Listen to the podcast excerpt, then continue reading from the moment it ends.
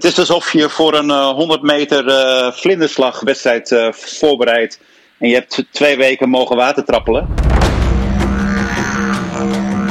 Botik van der Zandschulp, Miguel Jansen, Robin Haase, Aranska Rus en Dominique Thiem. Hallo en welkom bij de NL Tennis Podcast. Die dit keer wordt geserveerd door Marcella Mesker en Jan-Willem de Lange. We gaan van heel lang geen tennis naar een lawine van wedstrijden op het hoogste niveau.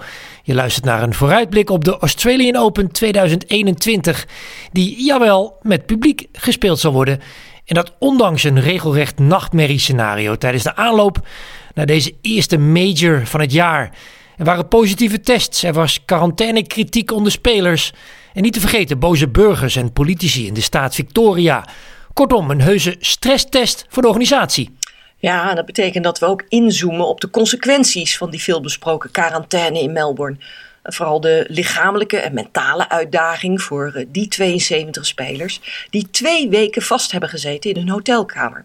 Miguel Jansen is de bondstrainer van de KNLTB en hij legt uit waar Botik van de Zandschulp, met wie hij dagelijks contact heeft, tijdens en na zijn quarantaine mee te maken kreeg. Ja, we beginnen ook meteen met die, met die qualifier, die Nederlandse qualifier van de Zandschulp. Interessante naam natuurlijk voor de Aussies om, uh, om uit te spreken. Ja, en Botik die, uh, die gaat voor het eerst zijn uh, opwachting maken bij een Grand Slam toernooi. En haalde afgelopen week zijn eerste zeges, heel mooi, in een hoofdschema van de ATP. De sterren staan duidelijk gunstig voor Van de Zandschulp, zou je kunnen zeggen. En ja, dat is een speler die nog niet iedereen helemaal scherp op zijn netvlies heeft. Hoog tijd om daar wat aan te doen, eh, vinden wij.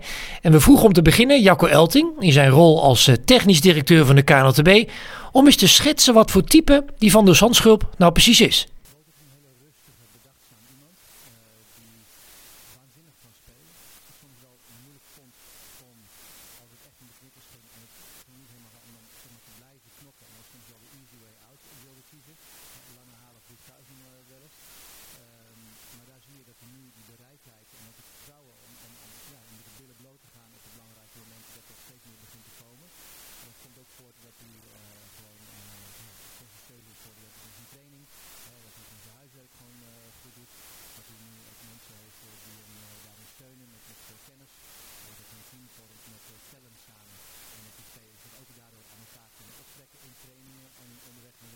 Ja, we horen het Elting zeggen. Een rustige jongen van de Zandschulp die zijn huiswerk eh, goed doet. En dat levert gewoon duidelijk progressie op de laatste tijd. Maar, maar wat is die ontwikkeling nou precies? Dat vroegen we Botik zelf voordat hij het vliegtuig naar Australië pakte. Ik denk dat ik fysiek uh, vooral progressie heb gemaakt. Uh, ik ben fysiek wat wat, wat beter geworden. Uh, ik denk dat ik ook al een aantal dingen in mijn spel heb veranderd, wat ook beter is geworden. Ik vind dat ik over het algemeen beter ben gaan serveren, wat meer gratis punten op mijn eerste service. Uh, ik vind dat ik veel beter ben gaan bewegen, veel, veel uh, hoe zeg je dat, tactischer beter ben gaan spelen ook. Ja, hij wordt steeds een beetje beter dus en piekt meteen aan het begin van dit uh, nieuwe seizoen. Met die kwalificatie voor zijn eerste Grand Slam en die overwinningen op ATP-niveau. Ja, dat zijn wel grote stappen, vindt ook Jacco Elting.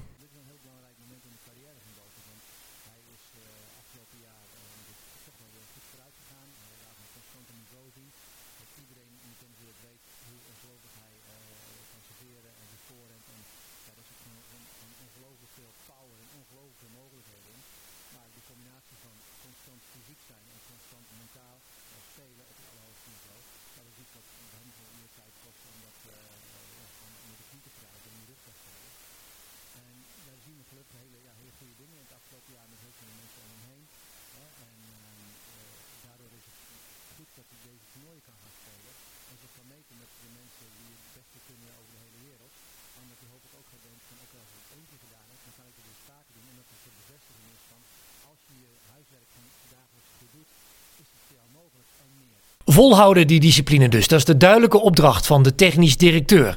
Die het belang van zo'n allereerste keer hoofdtoernooi Grand Slam niet genoeg uh, kan benadrukken. Dat is wel duidelijk. En dat, ja, dat kan zomaar de basis zijn voor zijn volgende stap. De volgende stap van Van der Zandschulp.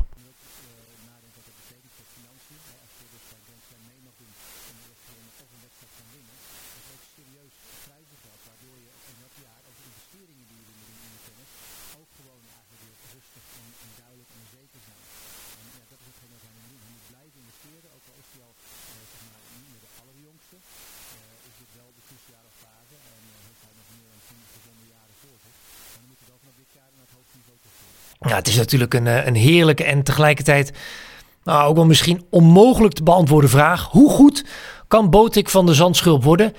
En daaraan gekoppeld, hoe lang kan hij zijn hele leven wijden aan het verbeteren van zichzelf? Marcella, wat denk jij? Ja, ik moest uh, hier aan denken aan die uh, eeuwige discussie nature of nurture. Want de echte natuurtalenten, à la Federer, Nadal, Djokovic, ja, die worden natuurlijk geboren. Daar kan je niet tegen optrainen. Maar toch, uh, zij, maar ook de meeste top 100 spelers, die zijn er om dat talent te voeden met hard werken en met discipline. Ik vergelijk het wel eens met uh, Stan Wawrinka. Ja, die was ook zo'n verlegen, schuchtere jongen die pas op uh, latere leeftijd, op zijn 28ste ongeveer, doorbrak. Ja, en niet zo gek, want Stan die groeide op thuis in Zwitserland op een zorgboerderij. Zijn ouders hadden namelijk eh, de zorg over een groep van ja, zo'n ongeveer twintig verstandelijk gehandicapten. Nogal een hele andere sociale omgeving dan de meeste van zijn leeftijdgenoten.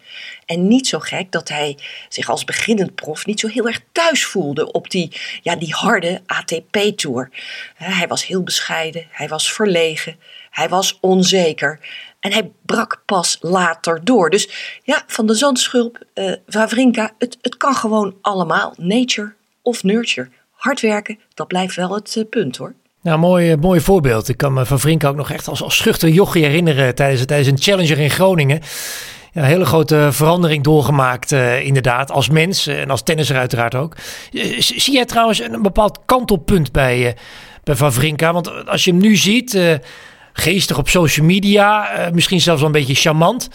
Maar hij begon ooit heel erg schuchter. Is het ergens gekanteld volgens jou? Ja, dat is natuurlijk begonnen toen hij ging werken met die Zweedse coach Magnus Norman. Ja, die gaf hem vertrouwen, die gaf hem het setje in de rug wat hij nodig had. En die loodste hem naar drie Grand Slam titels is echt ook een van de publieksfavorieten. Lievelingen, dat is hij eigenlijk nog steeds. Ik herinner me ook nog die US Open finale die hij moest spelen. Voorafgaand een huilende Favrinka in de coulissen. Hij was zo angstig, zo onzeker, zo zenuwachtig. Hij won wel. Maar ja, je kan het ook wel weer doortrekken naar andere sporten. Daar heb je natuurlijk ook zulke types. Uh, types die misschien niet zo super talentvol zijn. Of die pas op latere leeftijd doorbreken. Uh, denk bijvoorbeeld aan Wout Weghorst. AZ-voetballer. Um, goede speler in Nederland, maar geen speler over wie wekelijks werd gedebatteerd. Maar hij is topscorer in Duitsland in de Bundesliga geworden, bij Wolfsburg. Maar ja, het was ook zo'n super harde werker. En uh, ja, uiteindelijk is dat de basis. En die, die discipline, dat harde werken, ja, daar lijkt Botik nu echt mee bezig te zijn. En dat is mooi. Ik moet zelf heel sterk denken aan, aan Ivan Lendl. Dat is echt een voorbeeld van iemand die uh, met training uh, probeerde te compenseren. Maar ook wel echt compenseerde wat hij qua natuurlijke aanleg tekort kwam, zou je kunnen zeggen. Lendl die, die zag dat hij minder talent had dan een John McEnroe koos toen als strategie om, om fitter te zijn en in het algemeen gewoon beter voorbereid. En, en, en Lendl, ja, die staat en stond te boek als echte pionier op, op fitnessgebied. Daar hoort ook dat mooie voorbeeld bij van die, die exacte replica van de US Open baan, die hij in zijn eigen achtertuin aanlegde. En ja, dat heeft zich allemaal mooi eh, uitbetaald natuurlijk. Hè. Hij werd er toch maar mooi nummer 1 van de wereld mee. En dat uh, eh, 270 weken lang.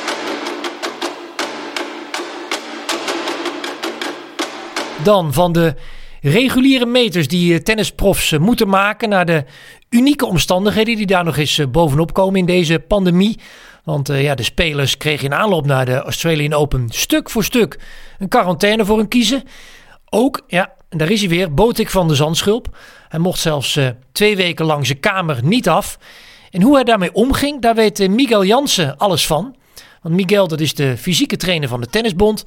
En uh, zelf voormalig atleet, gespecialiseerd in de sprint. Viermaal Nederlands kampioen geweest. En Jansen die komt met deze rake metafoor over de onorthodoxe voorbereiding van de tennisprofs in Melbourne dit jaar. Het is alsof je voor een uh, 100 meter uh, vlinderslagwedstrijd uh, voorbereidt. En je hebt twee weken mogen watertrappelen. Ehm, ja, het is natuurlijk niet de meest optimale voorbereiding. Ja, hij vat uh, de extreme opdracht van de profs uh, mooi samen. Hè? En we hadden het natuurlijk niet alleen over zwemmen, dat uh, mogen duidelijk zijn.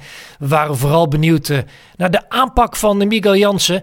Zijn manier om van de zandschulp klaar te stomen voor Grand Slam tennis op ja, duizenden kilometers afstand natuurlijk. In eerste instantie, ehm, hoe ik het met hem heb opgebouwd, is dat we eerst zijn gaan kijken naar wat zijn de mogelijkheden. Wat, wat kan je überhaupt op die kamer doen en wat voor materialen heb je? Uh, nou, de organisatie uh, heeft daarin hem uh, zeg maar goed ondersteund. Ze hebben echt gezorgd dat hij een, zeg maar een home trainer op zijn, fiets, op zijn kamer heeft, dus een fiets. ik geloof een soort spinning bike was dat. ze hebben hem een aantal elastieken gegeven. Ehm, ik geloof dat hij, dat was op een gegeven moment na een week, heeft hij ook een set met dumbbells gekregen. een medicijnbal. Dus hij kon op zich wel wat in die ruimte. Maar um, ja, als je dan gaat, gaat kijken naar hoe ga je je lichaam voorbereiden op een Australian Open waar je mogelijk een best of five speelt. Uh, dan moet je daar wel natuurlijk heel creatief mee omgaan. Marcella, wat moet ik me nou voorstellen bij, ja, daar moet je creatief mee omgaan. Ja, nou ja, wat uh, Miguel uh, vertelde. Uh, hij heeft eerst gekeken hoeveel vierkante meter had Botik überhaupt tot zijn beschikking. Nou, dat was best wel aardig. Had een goede hotelkamer. moest dat bed omhoog? Welk materiaal had hij? En natuurlijk heeft hij heel zorgvuldig gekeken naar uh, ja, de hoeveelheid trainingsbelasting voor hem in die twee weken. Ja, want van heel veel uren trainen in off-season naar heel weinig, twee weken op je hotelkamer. En daarna weer ja, als een gek trainen, dus de overgang naar hoge belasting. Ja, dan moet je oppassen dat je geen blessures krijgt. Ja, dus Miguel die maakte een uh, programma van hem van zo'n ja, drie tot vier uur per dag. Ja, daar keek ik echt van op, want dat is uh, behoorlijk. Ja, en hij zegt ook dat hij ervan overtuigd is dat hij na die twee weken quarantaine gewoon in hele goede conditie is en uh, aan de Australian Open uh, kan beginnen. Ze hebben trouwens bij de bond zo'n programma op de app, dat heet Bridge. Daar communiceren ze mee met de spelers, daar staan filmpjes op hoe ze uh, conditietrainingen en fysieke trainingen perfect kunnen uitvoeren. Um, hij had ook dagelijks telefooncontact met hem. En in feite zorgde Miguel bij Botik voor een uh, dagelijkse structuur in die quarantaine. Want hij zei ook, um, ja, wat gewoon wegvalt is je routine. je hebt niemand om mee te ontbijten of om mee te lunchen. Je kan niet even naar buiten om even te wandelen stukje in de auto rijden. Uh, je praat wel met mensen via uh, videocalls en zo, maar is toch anders. Dus hij benadrukte echt het belang van die dagelijkse structuur. En uh, ja, een vol programma. Drie tot vier uur per dag op je hotelkamer trainen. Nou, zie ik jou nog niet doen, Jan-Willem. nee, ik heb die dagelijkse structuur ook nodig. Anders blijft er helemaal niks, niks van me over, Marcella. En, en, als we weer even teruggaan naar Botik, want ik, ik kaats hem natuurlijk gewoon lekker weer de andere kant op. Die, uh, die moest natuurlijk ook fysiek uh, bezig blijven. Hè? Die uh, moest uiteindelijk natuurlijk voorbereid worden op, op, op ja, die switch die hij moest maken naar de, naar de warme Australische zomer. vanuit de Hollandse winter. We krijgen hier natuurlijk gewoon hele zware kou voor onze kiezen. Maar het was natuurlijk al fris. En een bekend probleem wat dan kan ontstaan als je dan ineens in die hitte terechtkomt. Dat zijn blaren op je handen, op je voeten. En ook daarbij hielp Miguel Jansen. Luister maar even. Ook heel regelmatig zeggen van, uh, er zijn heel veel oefenvormen, botik, die je gewoon simpelweg met je racket in je hand moet doen. Uh, of, het zijn, uh, of het nou bijvoorbeeld een volleyopdracht is tegen een muur aan. Of bewegingsdrills die hij dan in zijn kamer doet, waarbij hij gewoon simpelweg racket in zijn hand moet houden.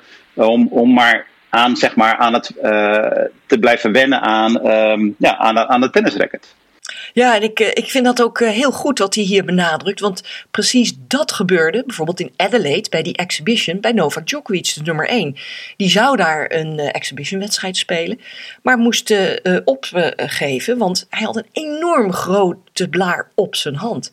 En zeker bij die Australische warme temperaturen spelen op hardcourt, waar je soms wel een ei op kunt bakken als het 35 of 40 graden is, ja, is dat een heel groot gevaar. Dus uh, ja, goede voorbereiding van Miguel. Ja, en, en hij heeft het ook over dat wennen aan een tennisracket. Nou, dat lijkt mij dan aan zich nog wel te doen, wel slim overigens.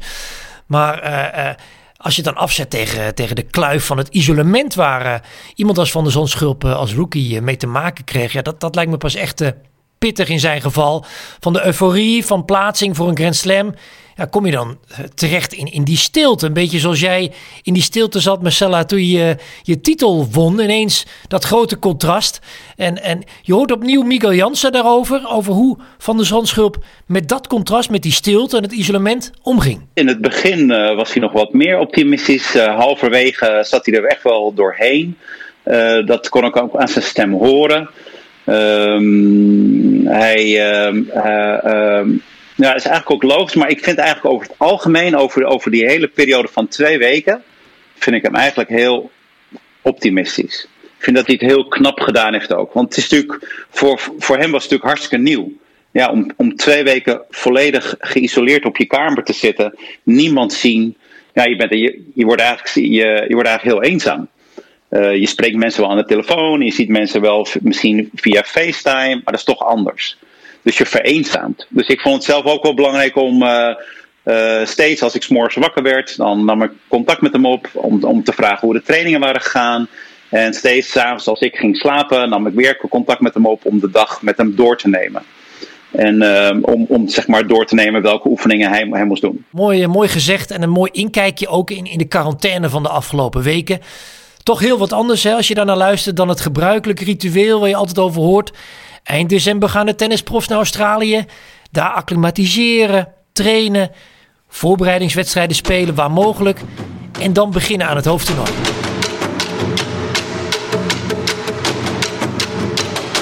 Goed, de spelers. Ze zijn dan allemaal uiteindelijk uit die tunnel gekropen. De rackets zijn afgestoft. En ja, wij zitten zelf natuurlijk ook gewoon lekker klaar voor twee weken Grand Slam tennis, Marcella. Heerlijk vooruitzicht. Tot slot gaan we eventjes fijn voorspellen wie nou de voornaamste titelkandidaten zijn. En uh, nou ja, kom maar op. Ik ben eigenlijk wel benieuwd. Kun je dat een beetje voorspellen? Uh, Marcella, ben je daar goed in? Ja, weet je. Uh, eigenlijk moet je alle favorieten en oude, outsiders echt zien spelen tijdens een toernooi. Om goed in te kunnen schatten hoe ze het gaan doen. Want afgaande op resultaten of op een ranking. Ja, is gewoon niet genoeg. Je moet weten wat er achter de schermen speelt. En wat daar precies gebeurt, dat weet je natuurlijk nooit. Dat vertellen ze niet, ook niet in persconferenties. Hebben ze ruzie met uh, iemand van hun team of met hun partner? Hebben ze wat pijntjes? Hoe is het vertrouwen? Hoe is het gevoel op de bal? Raken ze de bal lekker? En wat speelt er vooral in het hoofd? Dus ja, het is altijd heel lastig. Moeten we dit dan maar gewoon niet doen, dit onderdeeltje overslaan? Nee, we gaan het natuurlijk wel doen, want we willen even een paar namen noemen. Als we dan uh, bij de vrouwen beginnen, dan zet ik je natuurlijk op uh, Simona Halep. Want met haar Australische coach Darren Cahill lijkt ze altijd wel ietsjes uh, meer gemotiveerd. Staat bovendien zeven jaar in de top 10 nu. Vijf Grand Slam finales gehaald, twee gewonnen, Wimbledon, Roland Garros. Maar het is wel weer tijd voor een Grand Slam zege hoor. Zo'n goede speelster. En misschien heeft die coronaperiode dat weinige tennis haar wel goed gedaan. Haar lichaam uitgerust pijntjes genezen. Want ze is best wel blessuregevoelig. Ze moet natuurlijk met haar formaat en met haar spel altijd hard werken, veel lopen. En laten we ook de fans niet vergeten, die er hopelijk straks weer in eh, toch behoorlijke getalen op eh, de tribunes zitten. Die spelen altijd in Australië een belangrijke rol. Multiculturele bevolking, eh, veel immigranten, veel Roemeense fans dus ook. Die zullen luidruchtig van zich laten horen. En dat zal haar helpen. Ja, en we hebben ook een, Nederlandse harde werker in het, in het schema. Hè? Aranska Rus. Daar letten wij natuurlijk ook op. Heel scherp, hè? Ja, reken maar. Geweldig jaar achter de rug. Diep in de top 100 genesteld. Werkt alweer een tijdje met die Spaanse coach eh, Julian Alonso, hè, voormalig nummer 30 van de wereld. Ja, en ze is gaan trainen op die typische Spaanse manier. Hè, grinden, heel veel uren op de tennisbaan maken. Bloed, zweet en tranen tennis eigenlijk. Maar ja, wat mij altijd opvalt bij uh, Aran en wat ik me uh, om mij heen hoor in mijn omgeving is ja, hoe super fit, gespierd Aranska er eigenlijk altijd uitziet. Nou heeft ze uh, volgens mij tien jaar of zo met Miguel Jansen gewerkt. Dus ik dacht laten we hem eens vragen hoe hij nu naar haar kijkt. Ze heeft eigenlijk altijd al een bepaalde talent gehad voor uh, fysieke ontwikkeling. En ik vind het zo mooi om te zien hoe ze zich nu verder ontwikkeld heeft. Um, ik denk dat ze op een andere manier uh, op dit moment uh, zich fysiek voorbereidt. Van wat ik heb gehoord. Want ik heb haar dat niet uh, zelf horen uitspreken. Maar is dat ze enorm veel uren tennis op de baan. Dat ze dat, ze dat vooral anders doet als, um, als in de periode toen ik met, met haar werkte. En ik denk dat zeg maar een andere manier van, van trainen voor haar positief is geweest omdat het daar haar weer een stap verder gebracht heeft. Nou ja, Rust die blijft dus altijd investeren in zichzelf. Heeft eh, de rit naar boven weer gevonden. Um, maar ik heb jou eigenlijk nog niet gehoord over de vrouwentour. durf jij een voorspelling aan? Kom op. Ja, ja, ja, natuurlijk wel, natuurlijk wel. Maar dan zet ik wel meteen in op Serena Williams. Dat was nooit zo'n hele gedurfde keuze. Maar ja, nu is het toch een beetje anders, denk ik. Niemand verwacht het echt van haar. En dat maakt haar misschien wel, wel gevaarlijker dan, dan in lange tijd. Ik heb het gevoel dat iedereen heel sterk op Osaka let, op, op Halep, misschien Barty, die wel heel lang niet meer heeft gespeeld, maar je weet het niet. En ik zou het stiekem wel mooi vinden als Serena onder die radar speelt. Dat heeft ze heel lang niet gedaan. Ze ziet er fit uit, van, van wat ik van haar zie überhaupt. En dat ze dan stiekem die, eh, die titel gaat stelen, dat zou ik erg mooi vinden. Welke man kies jij trouwens, Marcella? Ja, nou ja, gok op Djokovic en Nadal, dat is niet zo moeilijk. Daar hoef je niet eh, voor langs de baan te zitten, hoef je ze niet te zien spelen. Dat zijn de topfavorieten. Maar goed, team Medvedev, die zitten daar uh, vlak achter. Medvedev sinds eind vorig jaar, ja, geweldig in vorm. Parijs-Bercy, ATP Tour Finals, ongeslagen gewonnen. Hij is nu twaalf wedstrijden op rij ongeslagen. Dat gaat maar door. Um, ja, team lijkt met een paar nederlagen misschien wat minder goed in vorm. Hij is toch wel iemand die veel wedstrijden nodig heeft om zijn vorm te vinden. Maar ja, hij is goed hoor. En uh, dat denkt Robin Hazen ook. Want we spraken met hem, jij sprak met hem. En die ziet team toch ook, ook wel als uh, een van de favorieten. Ja, Dominic Team, uh, een, uh, ja, een, een, ja, ik noem het eigenlijk een beest. dit is ongelooflijk. Die jongen die kan zo hard trainen. blijft maar doorgaan. qua spel doet hij fantastische dingen. Hij kan van eigenlijk elke positie een winnaar slaan. maar hij is eigenlijk een van de weinige spelers die af en toe nog wel eens een, echt een off-take kan hebben. Wat je, wat je niet zo snel bij die andere spelers ziet van die next gen, zoals een Medvedev. Eh, maar ja, ook hij uh, zal uh, denk ik om die titels gaan spelen. En, en misschien ooit ook nog wel voor die top 1 plek. En wie is jouw favoriet bij de mannen? Voor wie kies jij? Ja, de wens is, is daarbij een beetje de, de vader van de gedachte. Um, want het zou gewoon heel spannend zijn, denk ik, als Nadal de titel pakt. Heerlijk verhaal natuurlijk. Die zouden op 21 Grand Slams komen, recordhouder worden. eindelijk weer een keer in Australië winnen. En dan in het ideale scenario doorreizen naar Ahoy als Grand Slam kampioen, Australië kampioen. En de bus rondom zijn persoon is al groot. Maar dan zou de bus natuurlijk helemaal groot worden in, in Rotterdam. Zou ik geen verkeerd scenario vinden. Nee, zeker. En uh, ja, gelijk komen met Federer, dat uh, is natuurlijk nu al het geval. Federer komt trouwens de week na ABN AMRO weer terug op uh, de Tour in Doha. Tweede week maart. Uh, verheugen we ons natuurlijk uh, ook op. Maar ja, hoe spannend is het daar aan de top? Nadal, Federer. En laten we ook Djokovic uh, niet vergeten. Hij is natuurlijk de superfavoriet in Melbourne. Hoeveel keer heeft hij al gewonnen? Acht keer? of gaat hij op ja, voor zijn negenste titel? Het is onvoorstelbaar. Dat was het weer. Laat dat mooie tennis bij het ontbijt maar komen. Hopelijk kan de Australian Open gewoon uitgespeeld worden en speelt corona slechts een klein bijrolletje de komende weken. Abonneer je op NL Tennis Podcast via Spotify, Apple en Google Podcast. Dan praten we je ook tijdens de Australian Open bij met achtergrondverhalen. En je vindt ons vanaf nu ook in de nieuwsbrief van Tennis Direct. Wil je ons op sociale media volgen? Dat kan uiteraard op Twitter, Instagram en Facebook. Bedankt voor het luisteren en tot gauw. Dank voor het luisteren.